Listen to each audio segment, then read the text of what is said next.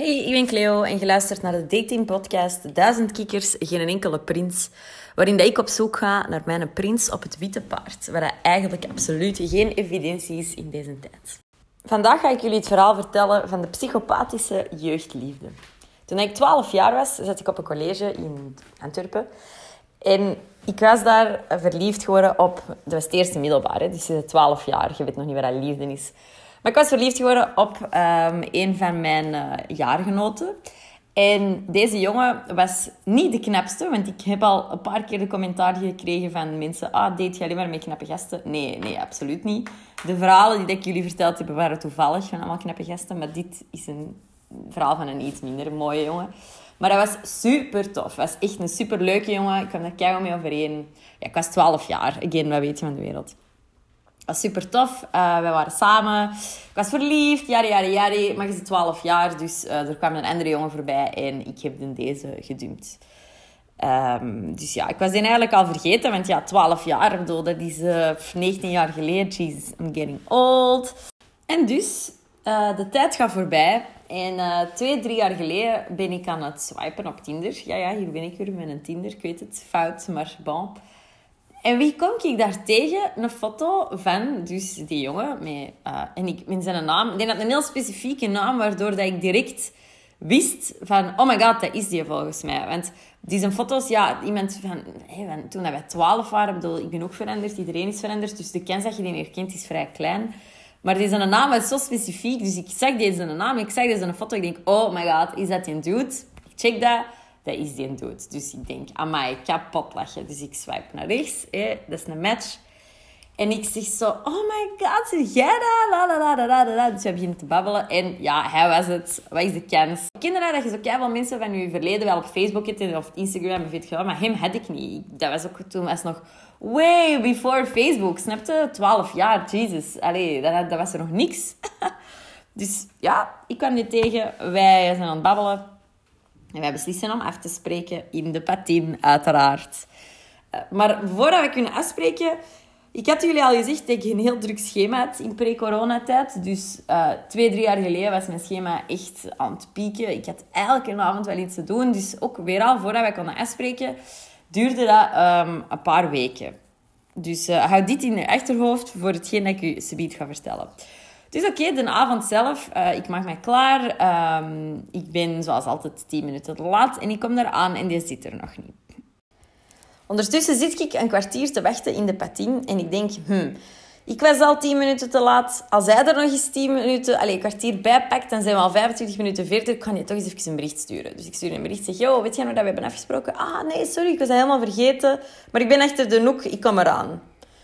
Oké, vreemd. Um, als ik met u ben vergeten af te spreken, zeker als wij een paar geleden nog hebben die gestuurd, vreemd. Maar oké, whatever. Dus je komt eraan, we beginnen te babbelen, te babbelen. Die ziet er trouwens exact hetzelfde uit als toen wij 12 waren, alleen zo groot geworden. Heel grappig.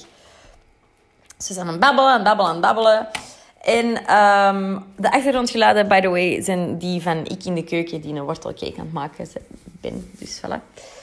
Dus wij zijn aan het praten en uh, sommige mensen uh, laten zo hun tanden nog fixen op onze leeftijd. En hij had dus ook een blokjesbrug. Dus ik dacht dat dat ermee te maken had dat hij, uh, dat hij, hem, allee, dat hij daarom een blokjesbrug had. Maar die zegt zo, ja, je ziet waarschijnlijk wel dat ik blokjes heb. Ik zeg, ah ja, inderdaad. Ja, ik heb vorig jaar een mega zot accident meegemaakt. Ah ja, vertel, vertel. Ja, in mijn vrije tijd ben ik eigenlijk piloot, maar van zweefvliegtuigjes. En uh, ik heb vorig jaar een mega zot accident gehad. Ik ben gecrashed met mijn vliegtuig. En mijn tanden zijn over heel mijn dashboard uitgevallen. Uh, en ik heb... Um, en ik heb keilang in coma gelegen. Ik zeg, maar wow, is dat verhaal? Dat is wel echt hevig. Ja, ja, ja, dat was echt super hevig. Uh, maar ik heb wel vaker pech. Ik zeg, oei, oei, ja, vertel, vertel. Ja, een ander verhaal zit hem. Ik was vorig jaar met de motto aan het rijden hier in de stad en ik heb een keizot accident gehad. Uh, er is een auto op mij recht ingereden en uh, ik heb ook weer uh, drie, vier maanden in coma gelegen. Amai, ik zeg, amai, weer al drie, vier maanden in coma. Ik denk in mijn eigen, deze is nou toch wel echt... Ofwel heb jij echt het meeste pech van iedereen dat ik ooit al heb leren kennen. Ofwel is daar toch al wel een beetje overdreven, allemaal uw verhalen. Ik denk, oké, okay, blijf gewoon luisteren, Cleo. Ja, uh, zit hem... Um, ik vind dat, ja, echt, uh, ja, keihard peegje en coma gelegen. En iemand anders moest mijn bedrijf dan overnemen, want ik heb een IT-bedrijf in cybersecurity.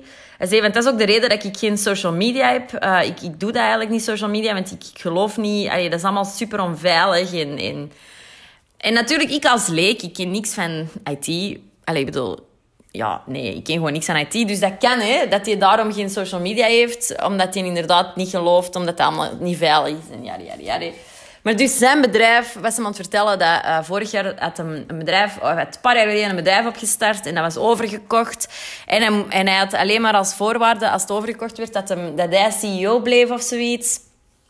Um, en dat hij dan, uh, toen hij in coma lag, heeft iemand anders dat dan overgenomen. Maar toen is hem terug ontwaakt, alle chance. En dan kon hij terug beginnen. Uh, maar hij kon vooral van thuis uit werken. Allee, zo'n heel vaag, raar verhaal. Maar ik denk, oké, whatever. Nog zo'n vaag, raar verhaal. Oké, okay, blijven luisteren, Cleo. Ik vond deze allemaal al zo'n beetje ongeloofwaardig. Maar oké, okay, you know, whatever. Dus op een gegeven moment zegt hij, ja, uh, en ik zeg aan mij, je moet dan toch wel keihard pijn hebben de hele tijd. Als je twee van die mega zotte accidenten hebt gehad, ga je dan nu naar de kinesist of zo, voor een beetje te, allez, te revalideren? Of, of gaat alles dan terug gewoon goed? Ja, nee, nee, ik doe dat eigenlijk niet, want ja, weet je, ik geloof er eigenlijk niet in. En ik denk zo, ik geloof daar eigenlijk niet in. Hoe raar is dat om te zeggen, ik geloof niet in de kinesist. Dat je zegt, ik geloof niet in homeopathie, oké, oké, okay, ça va. bedoel, maar dat je zegt, ik geloof niet in de kinesist... Dude, hoe een rare uitspraak is dat. Heb iemand dat ooit al horen zeggen? Allee, ik snap dat je niet naar de kinesist wil gaan, misschien omdat dat pijn doet, maar ik geloof niet in de kinesist. Heel rare uitspraak. Zwet. Oké. Ik zeg, ah, oké, oké, oké. Ja, en moet dan waarschijnlijk wel zware pijnstillers pakken. Ja, ja, ik pak echt kei zware pijnstillers. Maar ondertussen zitten wij al aan wijntje drie of zo. En, um, en ik zeg zo... Oei, maar moet je nou wel drinken? Ja, eigenlijk niet. En ik denk zo, dude, oeh, jij mocht eigenlijk niet drinken, maar je zit al een wijntje drie. Biedt valde jij bij je zus of zo? Ik zeg zo, ah, oei, oei, maar misschien moeten we dan gewoon wat water bestellen of zo. Nee, nee, maar ja, fuck it, zet hem. Je leeft maar één keer. En um, eerlijk, het is niet omdat ik pijnstillers pak en eigenlijk niet mag drinken. Ja, bedoel, niemand gaat dat voor mij bepalen. En ik denk zo, deze is echt een heel rare uitspraak. Ik denk, oké, oké. Oké, het, het, het, allee, we zijn zo verder aan het babbelen. Dus ondertussen denk ik al in mijn eigen... What the fuck is deze voor een rare, rare dingen allemaal dat jij aan het vertellen bent. Dus op een gegeven moment zegt hij ook tegen mij... Ja, zeg, en ik vind het eigenlijk wel straf dat jij geen tijd had om af te spreken tot nu. Ik zeg, ja, ik heb gewoon een heel druk schema. En die zo, ja, vertel dan eens. Hè. Hoe kan dat nu dat jij drie weken lang elke, avond, elke avond iets te doen hebt? Dus ik zeg, ja, op die avond ga ik sporten. Op die avond ga ik uh, zingen. Op die avond schrijf ik voor een boekje. Op die avond werk ik daaraan. Op die avond spreek ik met mijn vriendinnen af. Dan heb ik nog mijn familie. Mijn ouders zijn gescheiden. Ik zie mijn bommakje veel. Dus ik ga echt zo al die dagen af. En zie, dat heb ik dan gedaan. Want nee, dat zo'n, ik geloof u niet. Ik vond dat ook heel raar dat je dat zegt tegen mij. Want, bedoel... Eh, Allee, dat is toch ook mijn goede recht om een volle agenda te hebben. Plus, hoezo? Jij gelooft mij niet. Dat is toch een, ook zoiets heel raar om te zeggen. Dus die vraagt aan mij om heel mijn agenda eigenlijk uit de doeken te doen. Dus ik, brave Cleo, ik doe dat. En ineens, echt in het midden van mijn uitleg, die kijkt zo naar mijn handen en die zegt zo, zijn dat je echte nagels? Maar je moet dus even duiden. Ik ben hier gewoon midden van mijn uitleg. Dus ik ben aan het vertellen dat ik met mijn bomma wekelijks afspreek of zo. Ik weet niet, ik ben iets aan het vertellen. En echt, je kut in het midden van mijn uitleg zegt je, zijn dat je echte nagels? Dus ik ben zo'n beetje van mijn melk en ik zeg zo, ah ja, dat zijn mijn echte nagels. Tussen haakjes, ik heb van die, uh, de grieten onder jullie kennen dat wel. Ik heb gewoon gellak op mijn nagels, maar die zijn vrij lang. Uh, en mijn nagelstylist is echt de baam. En die zorgt ervoor dat die er, dat, dat, allez, dat ziet er keigoed uit. En dat, dat kan vals zijn, maar dat zijn mijn echte nagels. Dus die zegt zo, ja, die zijn wel lang, hè. Dus ik doe dat verhaal dat ik jullie net heb gedaan, hè, de nagelstylisten, bla, bla, bla, bla.